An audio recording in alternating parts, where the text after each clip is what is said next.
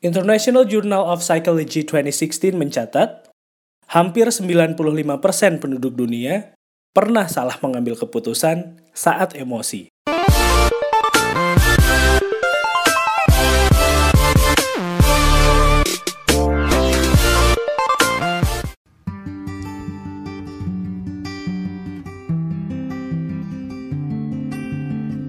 Halo, saya Fendi Rahman. Selamat datang di Makna Kata Podcast. Terima kasih banyak teman-teman buat semua respon positifnya untuk podcast ini. Dan jangan lupa juga nih, setelah dengerin podcastnya, kamu bisa rate, share, dan komen podcast ini di Spotify, Anchor, dan Google Podcast. Di track yang ke-9 ini sebenarnya masih berhubungan sama episode minggu lalu, teman-teman.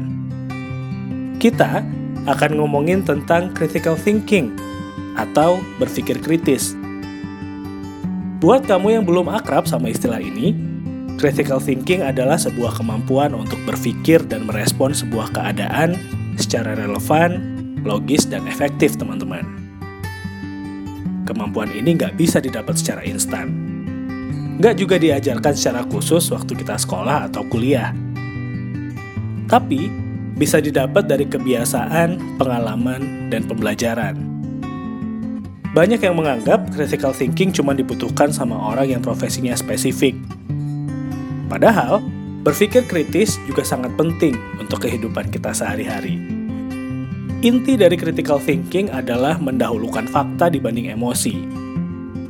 Tujuannya supaya kita bisa berpikir rasional dan logis, teman-teman. Percaya atau enggak, Kebiasaan ini bisa bikin kamu tambah pinter loh.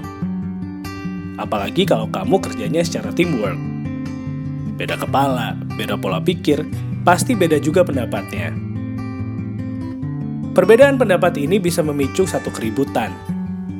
Karena setiap orang berpotensi memaksakan pendapatnya. Tapi kalau pakai critical thinking, perbedaan pendapat dalam tim nggak akan jadi masalah yang besar, teman-teman karena setiap orang akan berusaha mendengarkan dan saling kasih feedback. Yang otomatis pasti akan fokus ke pemecahan masalahnya. Berpikir kritis juga bikin kamu bebas dari stres. Deadline numpuk, jadwal meeting yang padat, lagi ada masalah pribadi, pasti bikin hati kamu nggak enak. Kalau kamu terbiasa menyelesaikan masalah secara logis, sangat kecil kemungkinannya untuk bikin stres. Bahkan ketika kondisinya under pressure sekalipun, kamu masih bisa bikin keputusan dengan logis dan relevan. Berpikir kritis bikin kamu terbiasa untuk tetap fokus ke inti permasalahan. Seringkali, kita ngerasa stres bukan karena besar atau kecilnya masalah, tapi tentang gimana caranya kita bisa menghadapi masalah itu. Sekali lagi, berpikir kritis bukan tentang berdebat atau mengkritik orang lain, teman-teman tapi tentang merespon sebuah keadaan secara logis, relevan, dan efektif. Jadi, gimana nih? Mau nggak mulai berpikir kritis dari sekarang?